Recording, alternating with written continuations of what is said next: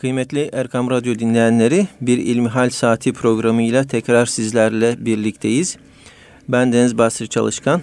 Sizlerden bize gelen soruları pek muhterem hocamız Doktor Ahmet Hamdi Yıldırım'a tevcih ediyorum. Efendim Yüce Rabbimizin selamı, rahmeti ve bereketi hepimizin üzerine olsun inşallah. Muhterem hocam bir Orta Asya seyahatine çıkmıştınız. Hoş geldiniz. Değerli Hoş bulduk. Allah razı olsun. izleyenimiz efendim şöyle sormuş. Esselamu Aleyküm demiş. Ben ameliyatlı olduğumdan ameliyat yerinden sürekli kan ve irin akıyor. Namaz vakitlerinde her vakitte yeniden abdest tazelemem şart mıdır?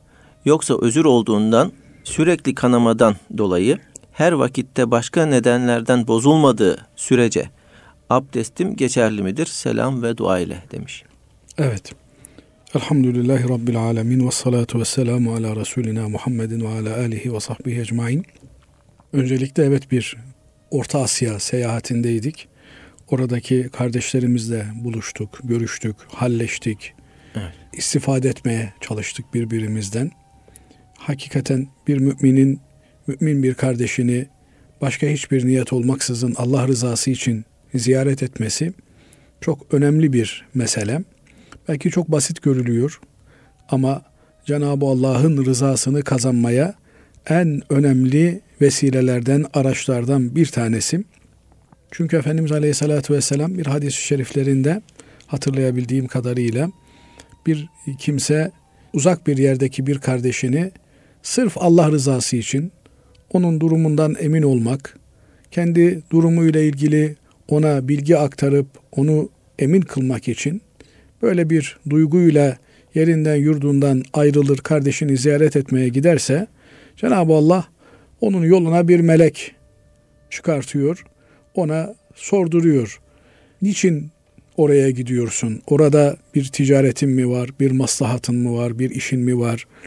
Niçin gidiyorsun diye soruyor bu melek. Bu zat da Efendimiz Aleyhisselatü Vesselam'ın hadisinde bize öğrettiğine, anlattığına binaen hayır diyor orada bir kardeşim var. Allah için sevdiğim bir kardeşim var. O kardeşimi ziyarete gidiyorum. Onda bir alacağın, onunla bir maslahatın, bir işin mi var diye soruyor. Hayır diyor. Sadece ve sadece gideyim, halını hatırını sorayım. Bir ihtiyacı var mı? Bakayım benimle ilgili merak ettiği şeyler var mı? Belki beni düşünüyordu.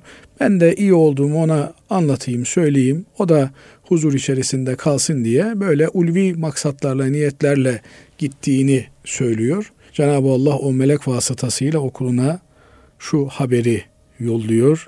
Rızasını kazanmak istediği Cenab-ı Allah ondan razı olmuştur. Allah onu sevmiştir.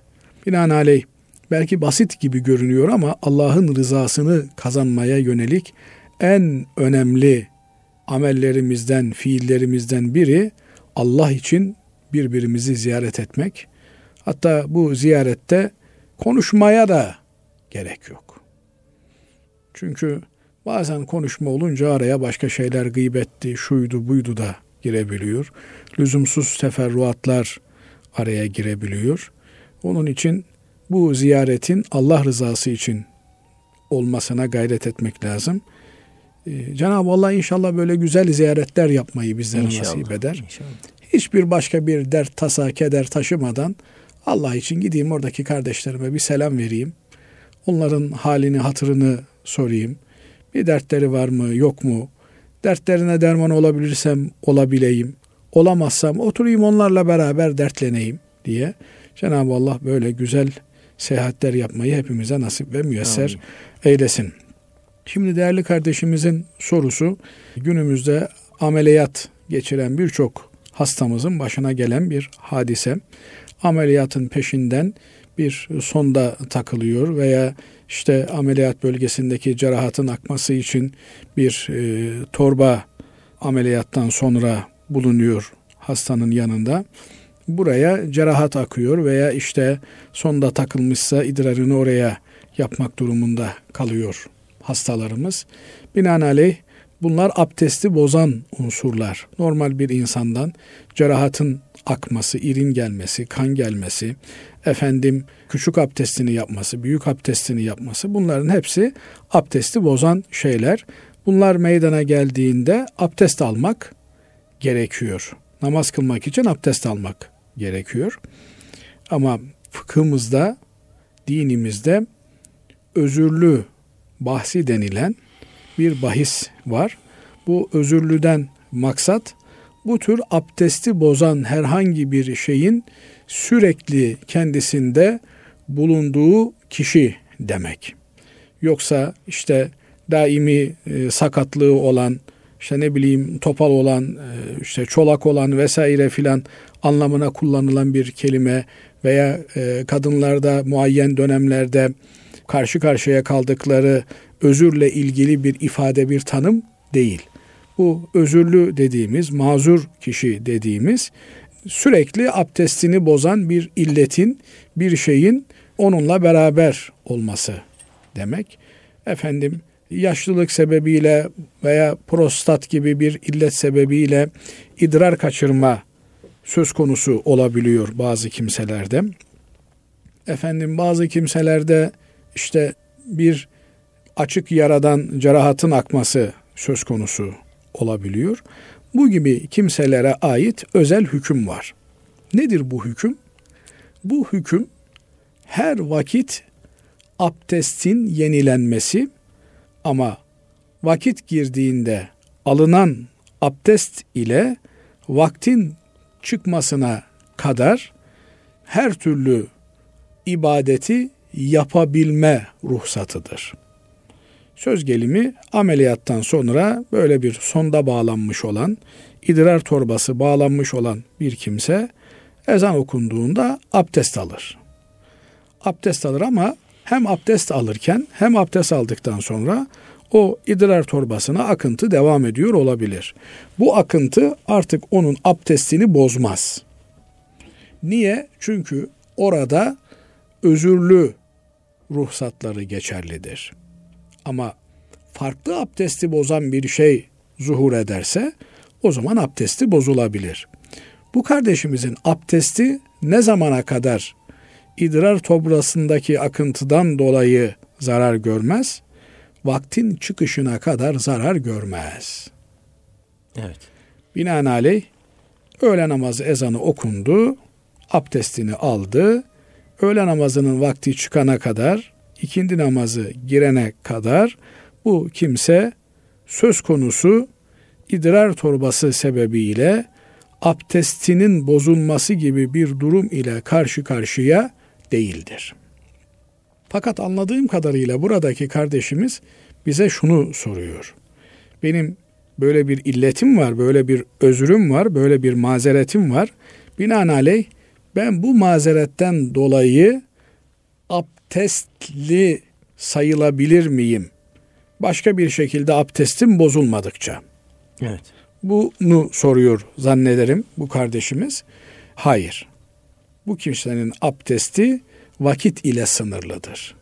Yani dolayısıyla günde en az beş defa abdest alması gerekiyor namaz kılabilmesi için. Evet. Fakat abdest almak bu kimseye bir yük getiriyorsa, işte ayağa kalkacak, efendim elini yüzünü ayağını yıkayacak. Bunlar ekstra bir zahmet gerektiriyor.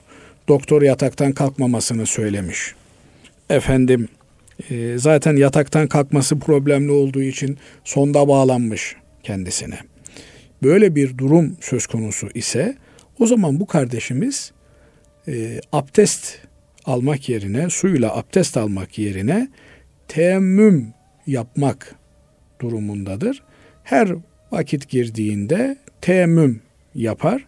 Vakit çıktığında onun teemmüm ile almış olduğu abdesti bozulmuş olur. Tekrar yeniden namaz kılacağı zaman bir teemmüm daha yapar. Böylelikle namazlarını kılar. Normalleşene, sıhhatine, afiyetine kavuşuncaya kadar veya en azından sondası çıkartılıp kendisi zarar ziyan görmeden abdest alabilecek seviyeye gelinceye kadar bu uygulamaya devam eder. teyemmümü nasıl yapar? Teyemmümü de Hanefi mezhebi açısından topraktan mamul olan bir testiye, bir kaba, bir kiremite, mesela hastane ortamında e, daha hijyenik olsun diye toprak bir güveç kabı olabilir, e, küçük bir tabak olabilir, toprak. Onun üzerine ellerini vurur. Ellerini alabilecek kadar bir genişlikte olması gerekir. Onun üzerine ellerini vurur. Ondan sonra yüzünü meseder. Bir daha vurur kollarını meseder. Böylelikle teemmüm abdestini almış olur. Bu değerli kardeşimize bizim tavsiye edebileceğimiz husus budur. Fakat şunu bilmek gerekiyor ki özürlü olan kimseler Hanefi mezhebi açısından her vakit abdest almalılar. O aldıkları abdest bir sonraki vakte kadar onları idare eder. Söz konusu illet, özür, mazeret abdestlerini bozmaz. Eğer suyla abdest almak bir zorluk doğuruyor ise o zaman teemmüm abdestiyle abdest alırlar. Değerli hocam, burada bu işte abdestten, su ile abdest almaktan teyemmümle abdest almaya geçişte yani e, insanlarımız acaba teyemmüm alabilir miyim? Yoksa su ile mi abdest almam gerekiyor diye bir ikileme düşüyor olabilir. Buradaki bu ince nokta, o çizgiyi nasıl tayin edebiliriz? Şimdi mesela yeni ameliyat olmuş bir kimseye sonda bağlanmışsa bunun ayakta dikilmesi, kalkılması doğru değil anlamına geliyor. Bir defa böyle bir pozisyonda teemmüm yapmayı hiç endişesiz bir şekilde e, benimsemek gerekiyor. Diğer taraftan ayakta kaldığımızda abdest alabilmek için dengemizin sağlam olması gerekiyor. Eğer ayakta dengemizi kaybediyor, düşme pozisyonu söz konusu oluyor, zahmet çekiyoruz, efendim yaramız taze, açılması, dikişlerin gevşemesi, iltihap kapması gibi herhangi bir şey söz konusu ise kesinlikle bu tür bir şeyin içerisine girmemiz doğru değil. Riski almamız doğru değil. Niye? Cenab-ı Allah suyla abdest alamıyorsanız teemmüm yapınız buyuruyor. Cenab-ı Allah'ın bu bir ruhsatı. Cenab-ı Allah için ha suyla abdest almışız, ha teemmüm abdesti almışız. Dolayısıyla ikisi de Rabbimizin emri olduğu için bir farklılık arz etmiyor. Yeter ki burada teemmüm almamızı gerekli kılacak bir durum söz konusu olsun. Bunu nasıl öngörebiliriz? Birincisi, eğer abdest almaya kalkarsak, ayağa kalktık, elimizi, yüzümüzü, ayağımızı ki burada önemli olan ayaktır. E, çünkü e, elimi, yüzümü suyla yıkayayım, ayağım için teyemmüm yapayım diye bir şey yok. Bütün azalarımızı tam olarak yıkayabiliyorsak abdesti suyla alacağız. Ayağa kalktığımızda veya işte sandalyeden veya yataktan oturduğumuzda abdesti almamız durumunda hareketlerimiz bir hastalığımızın artmasına sebep olacaksa nasıl artabilir? Efendim dikişler patlayabilir, dikişler iltihap kapabilir, hareketten dolayı bir zedelenme meydana gelebilir bir hastalığın artması söz konusu olabilir. İkincisi normalde üç günde iyileşecek hastalık biz bu tür hareketlere vesairelere filan tevessül ettiğimizden, kalkıştığımızdan dolayı beş güne çıkacak, yedi güne çıkacak, uzayacaksa o zaman biz teemmüm yaparız. Ve teemmümü de e, tereddütsüz yaparız. Niye? Rabbimizin emri olduğu için. Burada asıl olan bir an önce sağlığımıza, afiyetimize kavuşmamız ve ibadetlerimizi en mükemmel şekliyle yapmaya devam etmemizdir. Tabiri caizse bu tür yarım yamalak bir vaziyette 5 gün 10 gün kalmaktansa sıkı bir takiple işte ayağa kalkma demişse doktor ayağa kalkmadan 2-3 günde bu nekahat dönemini iyileşme dönemini atlatmaya, geçirmeye gayret etmek gerekir. Evet. Allah razı olsun. Şimdi değerli hocam e, diğer bir sorumuza geçmek istiyorum. Selamun aleyküm demiş değerli izlenimiz. Kafamı çok kurcalayan bir konu var. Size danışmak istedim. Bir ay sonra askere gideceğim. Ben askerliği cihat olarak görüyordum ve her ne kadar layık bir ülkede yaşasak da Müslüman topluluğu korumaya niyet etmiştim. Bazı kimseler layık devlette askere gitmenin kişiyi kafir dahi edebileceğini söylüyor. Bu konuda bilgi verirseniz çok sevinirim demiş. Evet, öncelikle bu akaid meseleleri ile ilgili bilmemiz gereken temel bir ilke var. O da Arapça ifadesiyle lazimul mezheb feleyse bir mezheb denilen yani bir görüşün, bir sözün uzantıları o sözü söyleyenin kendisini bağlamaz. Söz gelimi dıdısının dıdısı bir sözü söyleyene nispet edilmez. Bir misal ile izah edecek olursak anlaşılması açısından bir kimse dese ki ben filan kimseyi seviyorum. Bu filan kimse dediği kimse de işte Allah'ın dinini değiştirmiş, Kur'an harflerini bozmuş, şeriatla amel etmeyi kaldırmış, gavur biri olsa. Şimdi ben bu filan kimseyi seviyorum diyen bir kimse, gavuru sevdi diye, İslam'ı yıkan, ortadan kaldıran bir kimseyi sevdi diye dinden çıktı denilir mi? Denilmez. Niye? Adam diyor ki ben işte filan kimseyi sevdim diyor. O filan kimseyi sevdim cümlesiyle o cümle bitmiştir, ifade bitmiştir.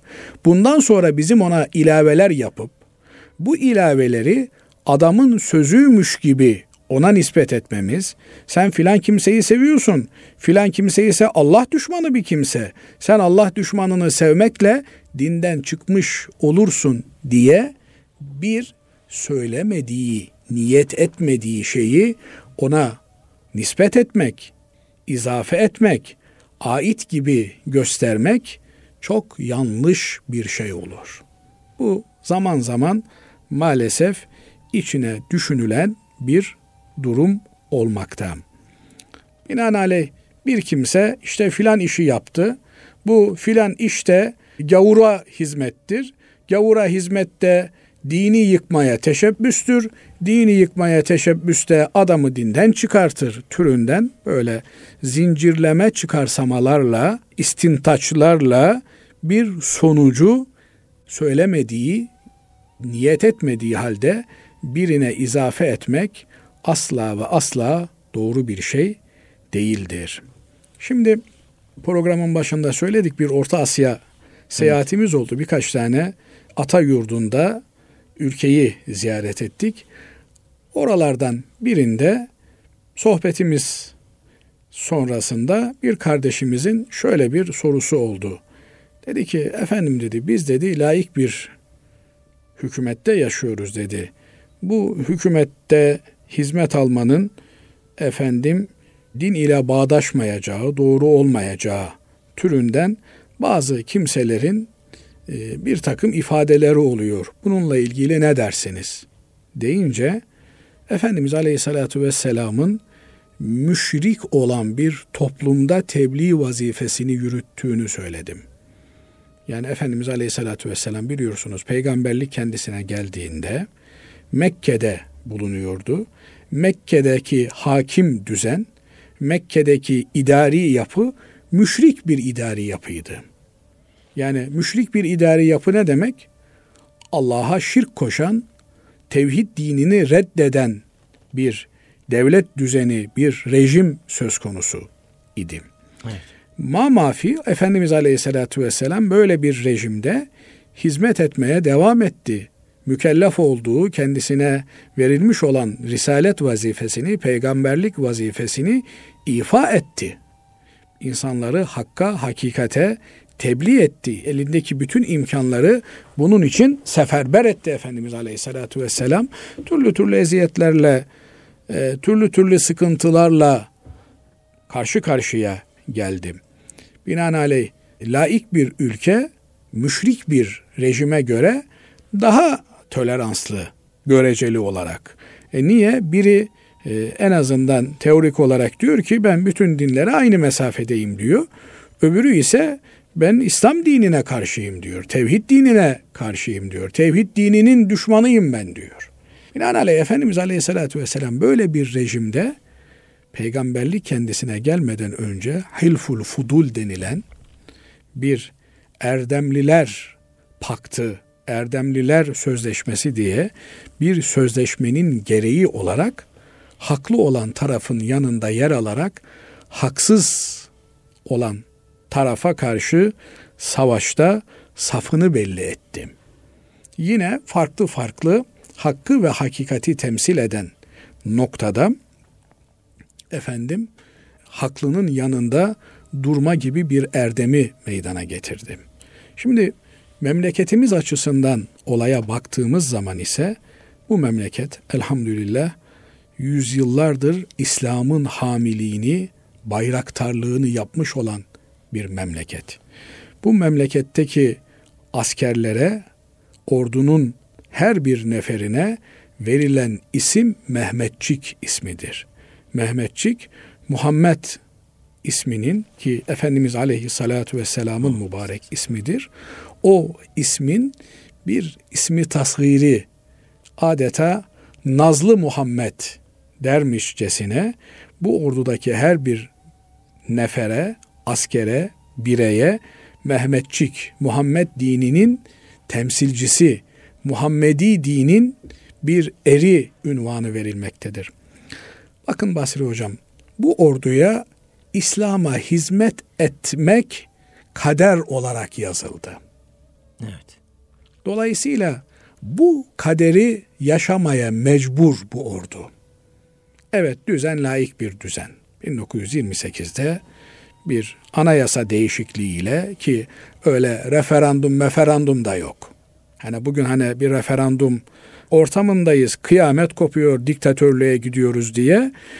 Halbuki 1928'de böyle tamamen keyfi, tamamen indi, tamamen halktan kopuk bir meclisin aldığı, silah zoruyla hatta aldığı bir kararla bir günde devletin dini İslamken laikliktir diye değiştirildi. Bu anayasada ben değiştirdim demekle değişen bir şey değil.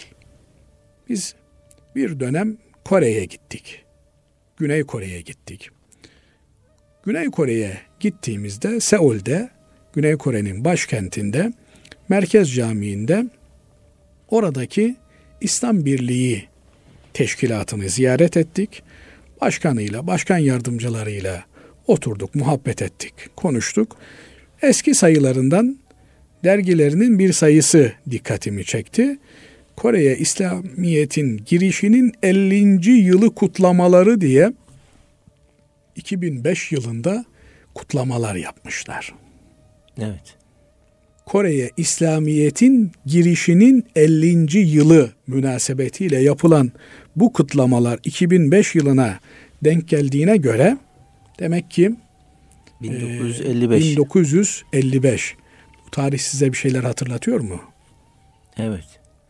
Türkiye'nin Kore'ye asker gönderdiği tarihtir. Evet. Yani biliyorsunuz 1950'li yılların başında Türkiye NATO'ya üye olarak kabul ediliyor. E, bu üyelik hengamında birçok tartışmalar yapılıyor. Ama bu üyeliğin bir zorunlu sonucu olarak Türkiye hiç alakası olmadığı halde zahir planında baktığınızda hiç alakası yok. Bilmediği topraklara Kore'ye iki kardeş ülkenin kuzey ile güneyin savaşında bir tarafın yanında yer alıyor. Evet. O zamanlar tabi 1960 darbesinden önceki dönemdir bu. tabur imamlığı müessesesi var. Yani Türkiye e, oraya bir taburla iştirak ediyor veya birkaç taburla iştirak ediyor. O taburun tabur imamı var. Gider gitmez tabur imamı bir çadır mescit inşa ediyor. Çadır mescitte e, Mehmetçik namazlarını ifa ediyor. Mehmetçik'le beraber bulunan Koreliler bir müddet sonra İslam'la tanışıyorlar. Ondan sonra e, şimdi ismini hatırlayamayacağım. Belki birazdan Cenab-ı Allah lütfeder hatırlarım. En son e, Samson müftülüğü yapmış olan bir zat ikinci imam olarak geliyor. Yani birinci imam dönüyor, ikinci imam olarak bu zat geliyor. Orada 250 küsür kişinin Korelinin Müslüman olmasına sebep oluyor. Elhamdülillah. Ve bu 250 küsür kişiden biriyle 2011 veya 2010 yılıydı Kore'ye gittiğimizde tanışıyoruz. Bizzat o e, zatın elinden Müslüman olmuş olan bir kimse. Evet. İşte 2005 yılında hayattaymış. He, Zübeyir Hoca. Allah gani gani rahmet eylesin. Amin. Zübeyir, İmam Zübeyir e, en son Samsun müftülüğünden emekli oluyor. 2005 yılında hayatta Zübeyir Efendi'yi de getiriyorlar. Kore'de 50. yıl kutlamalarını yapıyorlar. Daha sonra 2000'li yılların sonuna doğru vefat ediyor Zübeyir Koç. Ee, bu Hoca Efendi'nin o zaman bir imam, evet. asker imam, taburun imamı olarak bu şeye katılmış. Dolayısıyla Kore'ye İslamiyet'in ikinci girişi, birinci giriş çok eskilerden olmuş sonra tamamen imha edilmiş Müslümanlık. İkinci girişi 1950'li yıllardan sonra oluyor ve Türk ordusunun eliyle buraya İslamiyet giriyor. Binaenaleyh bu ordu kim ne derse desin Allah bu ordunun kaderine İslam'a hizmet etmeyi yazmıştır.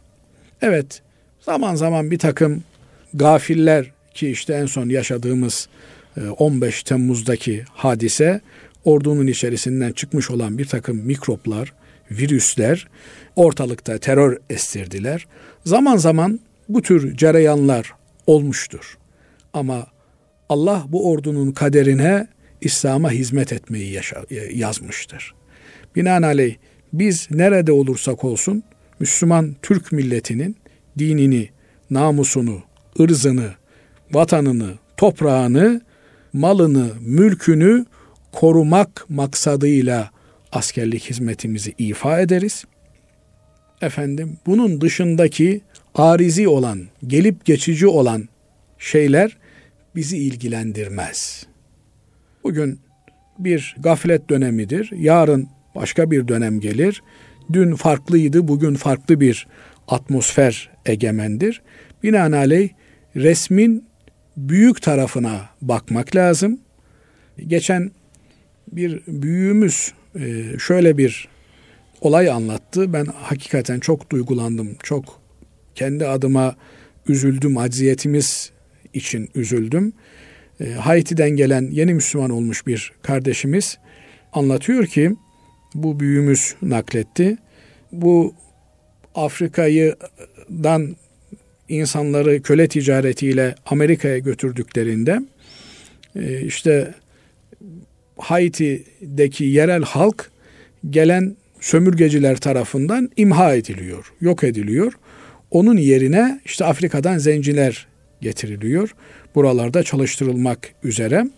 Bu gelen zencilerin arasında kendisini e, hoca efendi olduğu halde kendisini yakalattırıp da zencilerle beraber Amerika'ya, güneye ve kuzeye getiren hoca efendiler olmuş. Çünkü insanları götürüyorlar. Götürdükleri evet. insanlar da genelde Müslüman insanlar. Bu insanlar gittikleri yerde dinlerini, diyanetlerini kaybetmesinler diye. Ben hatırlarım bizim çocukluğumuzda işte TRT'de bir Kunta Kinte'nin canlandırıldığı bir dizi vardı. Orada e, o ilk e, siyahi kölelerden sonrakiler hayal mayal hatırlıyorlar Müslüman olduklarını vesaire filan ama bir nesil iki nesil imha edilmiş ondan sonra İslamiyet. Şimdi kimsenin haberi bile yok hangi köklerden geldiğinden. İşte o zamanın fedakar hoca efendileri kendilerini bile bile esarete atıyorlar ki oradaki insanları kurtarabilelim diye. Oradaki insanları irşad etmeye devam edelim diye. Burada önemli olan insanların kendi niyetleri, kendi iç motivasyonlarıdır.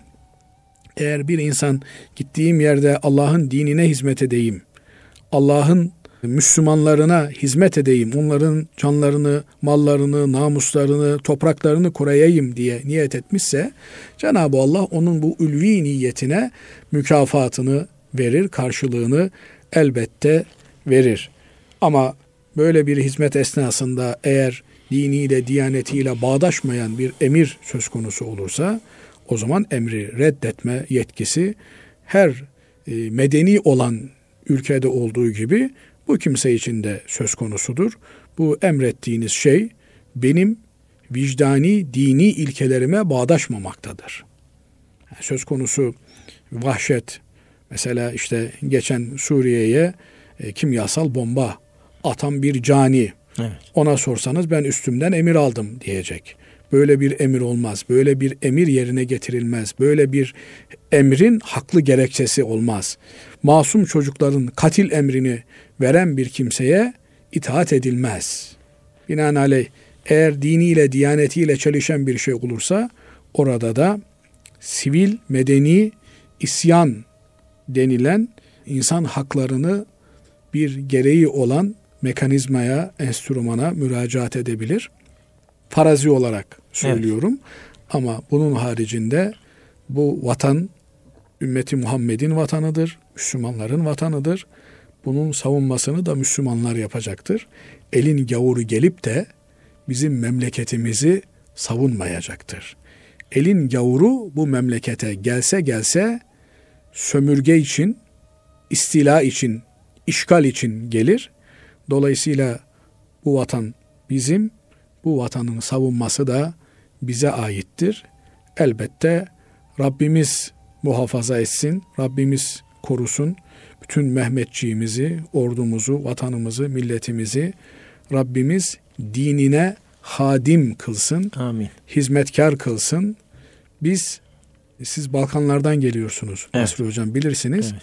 Orada gayrimüslim bir unsur Müslüman olduğunda işte bir Bulgar Müslüman olduğunda Müslüman oldu demezsiniz. Ne evet. dersiniz? Türk oldu dersiniz. Türk oldu dersiniz. Evet. Yani Türk'ün Hristiyanı yoktur. Evet. Türk Müslümandır. Müslümanlıkla Türklük özdeşleşmiş haldedir. Evet. Binaenaleyh kim bunu ayırmaya, koparmaya çalışırsa tarih önünde de bu millet önünde de lanetlenir. Değerli hocam, şöyle bir sorumuz var. Bayanların altın, gümüş ve benzeri süs eşyası kullanmadaki ölçü nedir? Evet. Cenab-ı Allah bizlere her şeyde ölçülü olmayı emretmektedir. İbadette bile bir ölçü söz konusudur. Efendimiz Aleyhisselatü Vesselam ibadette ifrata kaçanları, aşırılığa kaçanları uyarmıştır. Yani evet. sahabe efendilerimizden üç kişi Efendimiz Aleyhisselatü Vesselam'ın huzuruna getirilir. Bunlardan bir tanesi ebedi oruç tutacağını, bir tanesi hiç evlenmeyeceğini, bir tanesi de kesinlikle gölgede durmayacağını, güneşin altında hep duracağını, böylelikle işte e, nefsine eziyet edeceğini e, ifade etmeye kalkınca Efendimiz Aleyhisselatü Vesselam vallahi Allah'a en takvalınız benim buyurur. Ama buna rağmen kadınlarla evleniyorum. Bazen oruç tutuyorum, bazen oruç tutmuyorum. Evime giriyorum, gölgede oturuyorum malinde onları ikaz eder. Binaenaleyh dinimiz ölçü dinidir, itidal dinidir. Erkeğe altın ve gümüş zinet eşyasını yasaklarken altın mutlak olarak erkeğe haram, gümüş de zinet eşyası olarak yasak. He, yüksük olarak takabilir. İşte e, bir mühür basmak için vesaire filan veya farklı bir e, sembolik anlam taşısın diye taşıyabilir ama zinet olarak değil. Yani zinet olarak taşıması haramdır anlamına demiyorum ama iyi bakmamışlar, mekruh görmüşler. Bir ihtiyaç olarak yüzük takabilir. Kadına gelince kadına altın zinet eşyası olarak helaldir. Gümüş zinet eşyası olarak helaldir. İpek süs olarak, zinet olarak helaldir. Ama bu helaldir demek bunda israfın olmayacağı anlamına gelmez. Peki ölçü nedir? Ha, ölçü insanların bu da amma da abartmış demeyecekleri bir miktardır. Kişiden kişiye, kişinin hali vaktinin yerinde olmasıyla olmaması, zengin ve fakir olması, muhitin farklı olması, gelenek ve göreneğin farklı olmasıyla değişir. Efendim yeni gelindir, dört tane beş tane bileziği vardır. Onları takar, yeni gelin olduğu anlaşılır. Takar dediğim o da işte kadınlar kendi aralarında veya kocasının yanında. Fakat bu zinet eşyaları kadın sahip olduğu zenginliği ve varlığı göstermesi açısından fakirin, fukaranın ihtiyacına merhem olabilmek için düşünülmelidir. Efendim biri yardım isteyecekse işte mal varlığı elinde olan bir kadından daha rahat isteyebilir. Ama üç tane beş tane bileziğin normal olduğu bir ortamda eğer bir kadın işte omuzundan aşağı bileğine kadar e, altın halhallar, takılar, bilezikler takıyorsa bu abartıdır, bu israftır. Binaenaleyh bu e, altın ile gösterişe niyet etmemek lazım. Evet zinette bir gösteriş manası vardır. Yani nihayetinde onu göstermek için kadın takıyordur. Ama burada o zinet ile birilerini rencide etmek, işte benim beş tane on tane Trabzon hasırım var senin yok, sen işte o kadarlık birisin, ben bu kadarlık biriyim, ben sana göre değerliyim türünden bir hale getirmemek lazım. Diğer bir mesele de e, zinet eşyaları işte her kadında olduğu kadarıyla bu da o bölgenin örfüyle alakalı bir şeydir. Yani öyle yer düşünün ki orada kadınların küpe takmaları diye bir şey söz konusu değil. Kolye diye bir şey söz konusu değil. Efendim nedir? Bir yüzükleri olur. Onunla iktifa ederler. İşte böyle bir yerde bilezikle vesaireyle filan ortaya çıkmak doğru değil. Ama bir yerde vardır ki orada kadınlar bir takım münasebetlerde, düğünlerde, derneklerde işte küpeleriyle, alyanslarıyla, gerdanlıklarıyla, kolyeleriyle, bilezikleriyle hatta aya takılan halhallarıyla çıkmaktadırlar. Orada da bir kadın bu tam takım zinet eşyasıyla beraber çıkabilir. Burada önemli olan husus bunların zekatlarının verilmesi meselesidir. Özellikle Hanefi mezhebi 85 grama ulaşan bir altın söz konusu ise bu altınların her sene zekatının verilmesini emretmektedir. Binaenaleyh 85 grama kadar gelmiş olan bir altın varlığına sahip olan kadın bunun kırkta birini yani iki küsür gramını zekat olarak her sene vermek durumundadır. Bunun zekatını verirse bunlar Kur'an-ı Kerim'de zemmedilen, kınanan, ayıplanan hazine biriktirme, define oluşturma ifadelerinin dışında kalmış olur. Bir diğer husus da bunların bir riya vesilesi e, fakirleri ezme aracı olarak yapılmamasıdır. Bunun da ölçüsü az önce ifade etmeye çalıştığımız toplumun örf ve adetidir. Yani burada e, toplumda eğer orta yaşlı kadınlar altın, bilezik vesaire filan takmıyorlarsa takmaz. Takıyorlarsa takar. Yeni gelinler 2-3 tane altınla e, kadın cemiyetlerinde bulunuyorlarsa 2-3 tane altınla bulunur. Bilmem anlatabiliyor muyum? Evet. Binaenaleyh bu ölçülere riayet etmek lazım.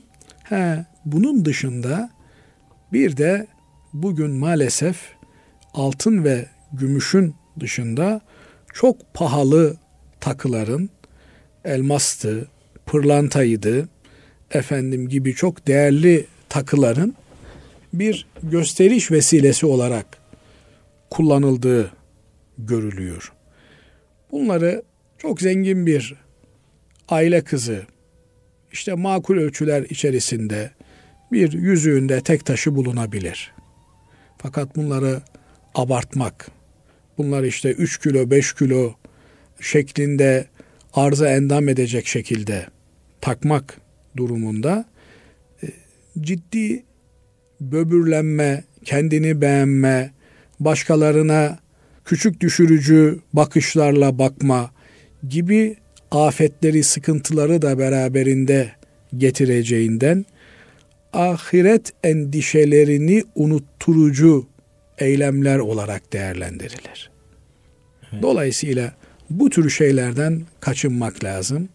Sade, ihtiyacı karşılayacak elbette kadın, efendim kız çocuğu altını takmayı sever.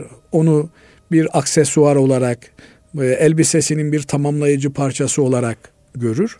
Bunları makul seviyelerde kullanmak her kadının, genç kızın hem cinsleri arasında veya kocasına karşı bir hakkıdır. Ama bunları yabancı kimselerin yanında sergilemek, göstermek, bunlarla dikkat çekmek behemhal yasak olan unsurlardır. Diğer bir meselede dikkat edilmesi gereken israfa ve aşırılığa kaçılmaması. Behemhal bunların zekatlarının bunların üzerine düşen mali ibadetlerin yerine getirilmesidir. Biliyorsunuz 80 küsür gram yani 85 gram kadar bir mal varlığına sahip olan kadın altın olarak bunun hem zekatını vermekle mükellef hem de bundan dolayı kurban kesmekle mükellef. İşte Ramazan bayramı girdiğinde sadakayı fıtır vermekle mükellef. Eğer kocası veya babası e, yoksa, eğer kocası varsa kocası onun sadakayı fıtırını verir.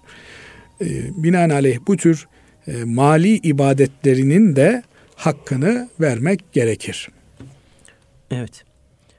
Allah razı olsun. Değerli hocam, diğer bir sorumuz da şöyle. Hocam, boş gebelik sebebiyle yapılan kürtaj ya da düşükten sonra kişi lohusa olur mu? Evet, boş gebelik nedir? Bildiğim kadarıyla yanlış da biliyor olabilirim. Allah muhafaza etsin. Yanlış bir şey yani yanlış bilgi hepimizin başına gelebilecek şeydir de yanlış bilgiyi aktarıp da yanlış yönlendirmekten Allah'a sığınırız. Gebelik nedir? Gebelik e, bir kadının çocuğa, bir bebeğe hamile kalmasıdır. Boş gebelik denilen gebeliğin neticesinde bir bebeğin çıkmamasıdır. Yani gebelik gibi belirtiler söz konusudur. İşte plasenta denilen e, bebeği, cenini muhafaza eden bir zar vardır. Ama bir müddet sonra bu zar gelişir, onun içerisinde su da bulunur, hamilelik zannedilir. Bir müddet sonra anlaşılır ki işte bugün ultrasyon vesaire ile filan bu e, suyun içerisinde cenin değil de işte boş bir et parçası var veya boş bir hava var ama e, içerisinde bir cenin yani bebek oluşmamış. Bir müddet sonra da bu kürtajla alınır veya düşük yoluyla dışarıya çıkar. Binaenaleyh bizim lohusalık ahkamının hükümlerinin oluşabilmesi için veya doğumdan sonra söz konusu edilen nifas halinin ki Türkçemizde ona lohusalık deniyor. Evet. Oluşabilmesi için çocuğun bebek olarak bir tam teşekküllü insan olarak gelmesi veya en azından azalarının belirgin olması gerekiyor. Yani çok ufak e, olabilir ama başı, eli, kolu, ayağı bellidir. İşte burnu, kaşı bellidir. Böyle bir e, düşük söz konusu olduğunda veya tam olarak geldiğinde zaten o herhalde olmakta. Lohusalık hükümleri başlar. Ama ister normal bir hamilelik olsun ki bu hamileliğin ilk aylarında düşük olmuşsa işte e, söz gelimi işte bir çiğnenmiş sakız gibi hiçbir azası daha teşekkül etmemiş. Eli ayağı belirginlenmemiş. Bir vaziyette düşük olursa bu durumda elbette doğumla beraber, düşükle beraber gelen kanama söz konusudur. Eğer organları belirginleşmemiş bir cenin düşük olarak gelir veya kürtaj olmak mecburiyeti söz konusu olur da alınır ise bununla beraber lohusalık hükümleri teşekkül etmez. Ne olacaktır? Kanama görmekle beraber e, bu kanama adet kanaması olarak kabul edilir. 10 günün üzerinde artık özür kanaması olarak kabul edilir. Ama 10 günden önce de kesilebilir. 3 günde 5 günde de kesilebilir. Direkt de kesilebilir. Binaenaleyh bu özür kanı olarak değerlendirilir.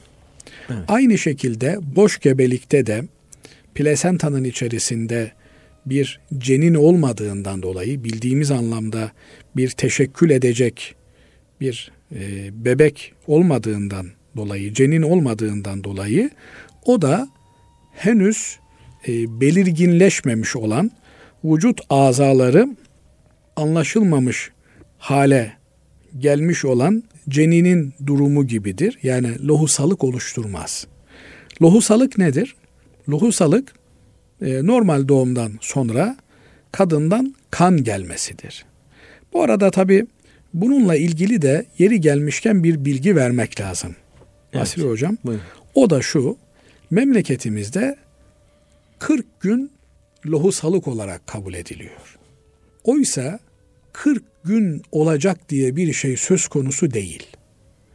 40 gün lohusalığın, nifas kanının azami süresidir. Yani bugün diyelim ki bir kadın doğum yaptı. Bugün doğum yaptı. Bir hafta 10 gün kan geldi. Bir hafta 10 gün sonra veya 20 gün sonra kan kesildi. Evet. Kan kesildi. Bu kadıncağız bekler. Söz gelimi kuşluk vakti kan kesildi. Öğle namazı okundu. Bekler. ikindi namazına yarım saat kala kendi kontrolünü yapar. Eğer bir kan yok, bir belirti yok ise duşunu alır, namazını kılar. Binaenaleyh bu kadıncağız 20 gün üzerine temizlenmiş, lohusalığı, nifas dönemi bitmiş demektir. Bundan sonra ikinci bir çocuk yaptığında nasıl adette herkesin, her kadının kendine özgü bir adeti var yüzde doksan olarak. İşte e, beş gün adet görüyor, yedi gün adet görüyor, dokuz gün adet görüyor. Lohusalıkta da bir adet vardır. İşte filan e, kimse 20 gün lohusalık kanı görüyor. İkinci çocukta da 20 gün lohusalık kanı onun adeti olarak cereyan eder. Eğer 20 gün üzerine kesilmez, devam eder. 39. gün kesilirse artık bundan sonra 20 gün değil 39 gündür o kadının lohusalık adeti. 39. gün değil de 42. gün kesilir ise o zaman 20 güne kadarı lohusalık, üstü özür kanı kabul edilir. O kılmadığı veya tutmadığı 22 günlük namazlarını oruçlarını kaza eder. Zaten oruç kaza ediliyor, namaz kaza edilmiyor. Yani hocam burada 40 gün esas mıdır? Yani 40'ı geçtiği için e, geri kalan kısım e, özür kanı olarak mı? Hayır. Burada 40 gün meselesi bir lohusalık döneminin maksimum azami periyodudur. Evet. Nasıl ki adet döneminin maksimum azami en yüksek periyodu 10 gündür. Lohusalıkta da 40 gündür. Evet.